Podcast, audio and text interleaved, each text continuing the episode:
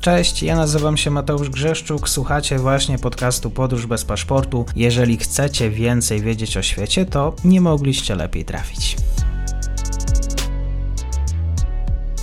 Dzień dobry wszystkim słuchaczom. Dzisiaj mam wielką przyjemność już po dłuższej przerwie gościć pana profesora Dominika Kopińskiego z Wydziału Prawa, Administracji i Ekonomii Uniwersytetu Wrocławskiego. Dzień dobry. Dzień dobry, witam serdecznie. Będziemy dzisiaj rozmawiać e, o Afryce, o Afryce, która w pewien sposób może stać się też taką alternatywą, alternatywą, jeżeli chodzi o źródła surowców, no bo jeśli nie z Rosji, to skąd wielu ekspertów zadaje sobie pytanie. Często padają takie ewentualne, w ewentualnych dyskusjach ekspertów takie kraje jak Algieria, takie jak Angola, Gabon, Pan profesor właśnie z Angolii e, wraca. Pytanie, czy ewentualnie w tej sytuacji, gdzie te rosyjskie e, zapasy e, surowca ropy naftowej, no raczej nie jest to możliwe, abyśmy sobie skupowali akurat z Moskwy, to pytanie, czy właśnie Angola mogłaby tutaj nam pomóc? Tak, to jest ciekawe pytanie o tyle, że y, to pytanie zada, zadają sobie bardziej chyba Europejczycy niż y, mieszkańcy Angolii. Przynajmniej my nie stwierdziliśmy tam specjalnego za, zainteresowania no, nowymi kierunkami e, eksportu ropy, ale faktycznie w Europie coraz więcej rozmawia się o tym, jak najefektywniej dywersyfikować dostawy i, i gazu i, i, ropy i ta Afryka się pojawiła na e, radarze całkiem, e, całkiem niedawno. Wyciekł taki dokument Komisji Europejskiej z którego wynika, że e, z Afryki będziemy importować całkiem sporo gazu, czy będziemy planować importować całkiem sporo gazu w następnych, w następnych miesiącach, e, głównie e, gazu skroplonego, jak również gazu transportowanego ropociągami. Tutaj mowa jest bardziej o Afryce Północnej. Więc rzeczywiście kraje afrykańskie na tym naszym radarze się pojawiają coraz częściej, co jest no, pewnym takim paradoksem i, i, i, i ironią, bo jeszcze całkiem niedawno świat ogłosił i sobie, i Afryce, że należy dokonać jak najszybciej tranzycji energetycznej i wycofywać się z, z, z kopalin źródeł pozyskiwania energii, a tutaj nagle rośnie zainteresowanie Afryką. Olaf Scholz jedzie do Senegalu, Mario Draghi y, jedzie do, do Konga, jedzie do Angolii i tam podpisuje kontrakty na, na e, ropę i gaz. E, więc e, sytuacja się zmienia jak e, w kalejdoskopie i to Europejczycy pojawiają się w, w, Afryce z takimi propozycjami. Wydaje mi się, że jest to perspektywa realna, aczkolwiek wiążą się z tym pewne utrudnienia. Po, po pierwsze, jak wiemy, te wydarzenia związane z wojną w Ukrainie, one są bardzo gwałtowne, natomiast biznes rządzi się swoimi prawami. Znaczna część ropy i gazu afrykańskiej jest już po prostu zakontraktowana, więc ma już swoich nabywców, i tych kontraktów siłą rzeczy nie można anulować, a przynajmniej anulowanie takich kontraktów byłoby niezwykle kosztowne. W związku z czym ta pula dostępnej ropy do wzięcia, że tak powiem, jest e, e, relatywnie niewielka, tak samo jest, zresztą z gazem i tutaj faktycznie kraje afrykańskie, tak jak powiedziałem, mogłyby, mogłyby być zainteresowane potencjalnie takim eksportem, ale jeden z ważniejszych problemów, o którym jeszcze nie, nie rozmawialiśmy, to ograniczenia po stronie podaży czy, czy zdolności produkcyjnych tych krajów. Taki kraj jak Angola, który w dobrych czasach produkował 2 miliony baryłek ropy dziennie, teraz produkuje nieco ponad milion baryłek ropy dziennie. To wynika oczywiście z różnych, z różnych względów, głównie z, z, z braku potrzebnych inwestycji i, i, i z, z tego, że po prostu te złoża naftowe się wyczerpują i nie poczyniono nowych e, inwestycji, które by pozwoliły uzyskać e, dostęp do nowych zasobów, w związku z czym tej, tej wolnej ropy i gazu też nie ma aż tak dużo, żeby w krótkim okresie, w ciągu kilku miesięcy można było zawrócić E, te kierunki e, eksportu i, e, i nabywać więcej ropy afrykańskiej. Ale rzeczywiście jest dosyć duże zainteresowanie.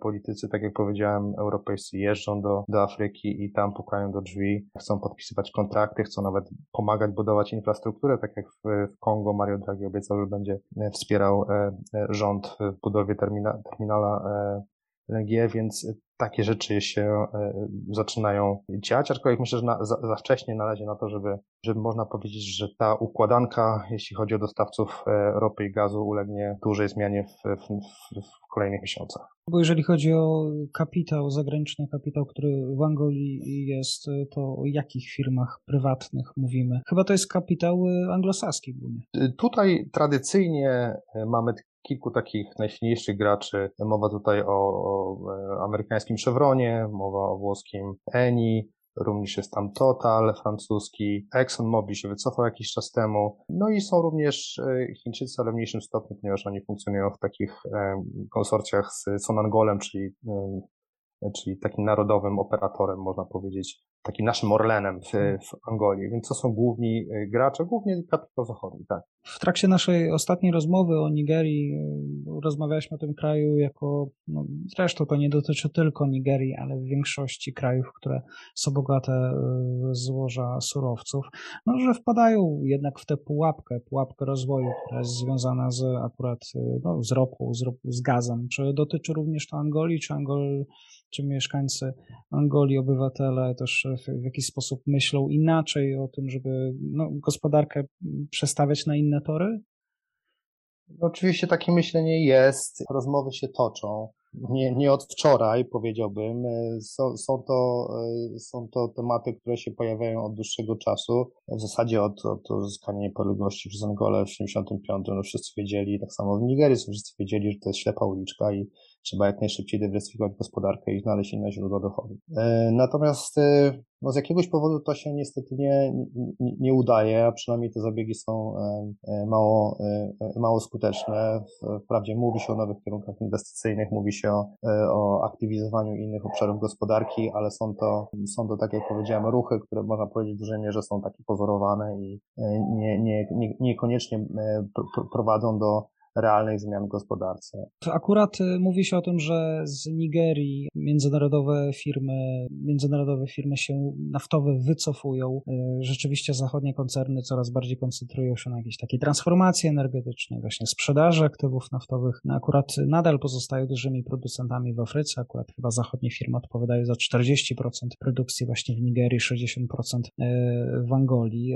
Sama chyba produkcja w Angolii też spadła o 50% od 2015 roku roku, to właśnie może być może znak dla, dla władz Angolii o to, żeby jednak dywersyfikować. Tak, y, y, owszem, ten, ten, ten, ten znak jest dosyć, dosyć czytelny i tych znaków jest bardzo dużo. Znaczy ja po prostu nie jestem w stanie sobie wyobrazić nawet y, już więcej sygnałów i znaków, mhm. które miałyby przymusić rząd do dywersyfikowania gospodarki, tylko musimy jakby to wszystko umieścić w pewnym kontekście historycznym. Zarówno w przypadku Angolii, jak i Nigerii te problemy wiążą się czy można te problemy tak naprawdę odnieść do okresu po 2014 roku, kiedy e, ceny, ceny ropy gwałtownie spadły. No i wówczas rzeczywiście zainteresowanie wydobyciem ropy, szczególnie w takich lokalizacjach egzotycznych, e, offshore'owych, które wymagają e, wysokiej technologii, gigantycznych kosztów, po prostu stało się nieopłacalne, bo musimy pamiętać, że ropa wydobywana w Angolii offshore'owo kosztuje całkiem, całkiem sporo.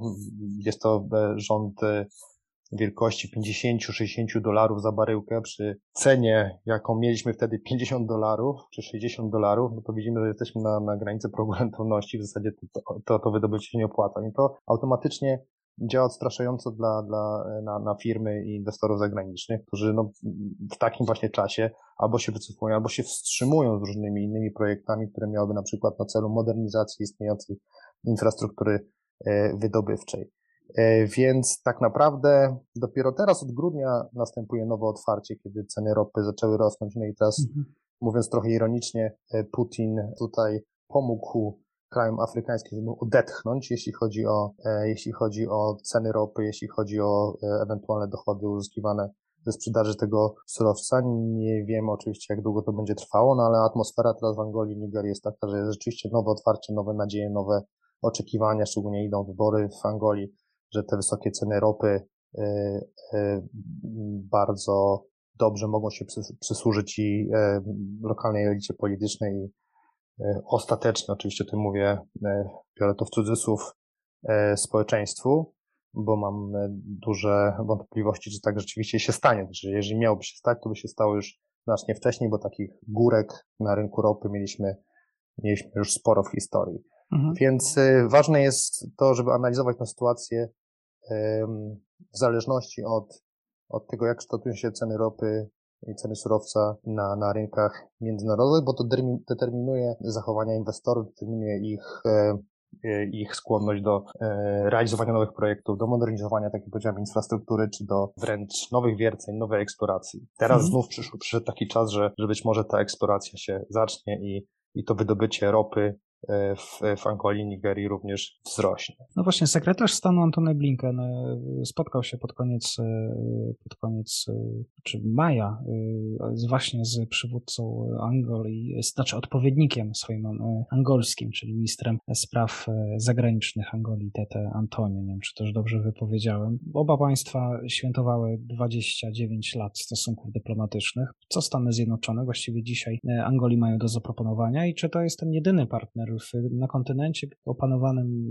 można powiedzieć, przez Chińczyków? Powiem tak, tutaj jest dużo takich e, półprawd i, i, i mitów odnośnie tego, jaka jest obecność e, chińska, amerykańska na kontynencie afrykańskim. Ja chciałem tak przypomnieć dla, dla porządku, że Chińczycy nie są wcale największym inwestorem w Afryce. Są na czwartym miejscu, uprzedzają Amerykanie, Francuzi, Brytyjczycy. O Chińczykach po prostu dużo się słyszy, dużo się mówi i medialnie jest oczywiście ten temat, który e, wywołuje najwięcej emocji i stąd powstaje taka percepcja, wrażenie, że, że Chińczycy E, mówiąc brzydko, panoszą się po całej Afryce. Oczywiście jest ich bardzo dużo, inwestycji jest sporo, ten przyrost inwestycji jest dramatyczny e, i obecność jest też, można powiedzieć, taka kompleksowa w porównaniu do innych, innych nacji. Mówię tutaj o, o obecności w różnych sektorach, od hotelarstwa po rolnictwo, przez e, nie wiem, infrastrukturę. Tego nie można powiedzieć absolutnie o, o, Ameryka, o Amerykanach, które mają, którzy mają taką obecność bardziej punktową. Natomiast to, jest to obecność bardzo znacząca. W Angolii Myślę, że jest to obecność, która e, jest zdecydowanie bardziej strategiczna dla, dla Angolii, również z historycznego punktu widzenia niż, niż obecność Chińczyków. Chevron był tam od samego początku. To e, pieniądze wydobywane przez Chevron wędrowały do e, do budżetu MPLA, które za te pieniądze kupowała broń od, od, e, od Rosjan, od Związku Radzieckiego w tamtym czasie i, walczyła ze swoim zaciętym wrogiem e, UNITA, który był finansowany przez Stany Zjednoczone. Więc ta układanka była dosyć dosyć skomplikowana. Natomiast Stany Zjednoczone zawsze łączyły z Angolą bardzo dobre relacje, chociaż oczywiście były napięte. Natomiast jeśli chodzi o powiedzmy wymiar takich strategicznych tych, relacji, to, to, to myślę, że one pozostają absolutnie, mm, absolutnie dobre i, i, i Chińczycy nie są w stanie te, te, tego, tego aliansu przełamać w żaden sposób. Ten charakter relacji angolańsko-chiński jest nieco inny. To jest coś, co się w, w często określa jako małżeństwo z rozsądku. Jak wiemy, małżeństwo z rozsądku to jest takie małżeństwo, gdzie dwie strony nie za bardzo się kochają, mają do siebie pewne żale, wątpliwości yy, i podważają w ogóle sens tego, tego aktu małżeństwa, ale jednak ze sobą trwają, yy, bo łączą ich po prostu wspólne interesy. Więc to jest trochę, yy, to jest trochę relacja chińsko-angolańska. Natomiast jeśli chodzi o Stany Zjednoczone, to nie mówię, że Stanów nie łączą interesy z Angolą, ale wydaje mi się, że ta relacja jest bardziej ugruntowana e, i jest e, e, stabilniejsza. I tutaj trzeba też wziąć pod uwagę jedną rzecz. Angola i inne kraje afrykańskie, mimo wszystko w dalszym ciągu elity polityczne są ukierunkowane na, na, na zachód, jeśli chodzi o sposób myślenia, jeśli chodzi o kulturę, jeśli chodzi o hi, historyczne oczywiście aspekty. To jest, to jest zorientowanie raczej na Atlantyk i na świat zachodni, a nie na Chiny. Chiny zwiększają swoją obecność w Afryce. Chiny niewątpliwie są coraz ważniejszym partnerem Afryki, ale nie uważam, żeby e, wymiar tych relacji, relacji afrykańsko-chińskich e, miał podobny jakby status kaliber jak wymiar e, relacji z Zachodem. To jeszcze na zakończenie w takim razie, żeby też słuchacze mieli ogląd, jeżeli chodzi o władzę Angolii, kto sprawuje tam władzę, jak wygląda ten parlament? Władzę sprawuje urząd prezydencki. Jest to, jest to typowy taki reżim zdominowany przez osobę prezydenta. Oczywiście mamy parlament, mamy premiera, ale nikt nie wie, kim jest tak naprawdę premier. Oczywiście mówię tutaj trochę z przekąsem, natomiast parlamentarzyści są takimi notariuszami, toczą się dyskusje oczywiście, natomiast y, y, najważniejsze decyzje strategiczne dotyczące kierunków zaangażowania, relacji z partnerami zagranicznymi nie są podejmowane w ministerstwach, tylko podejmowane są w urzędzie prezydenta. Więc Jean Lorenzo, nowy prezydent od 2017 roku, października, który zastąpił e, wieloletniego prezydenta e, José Eduardo Santosa, który w, w, był prezydentem przez niemalże trzy dekady.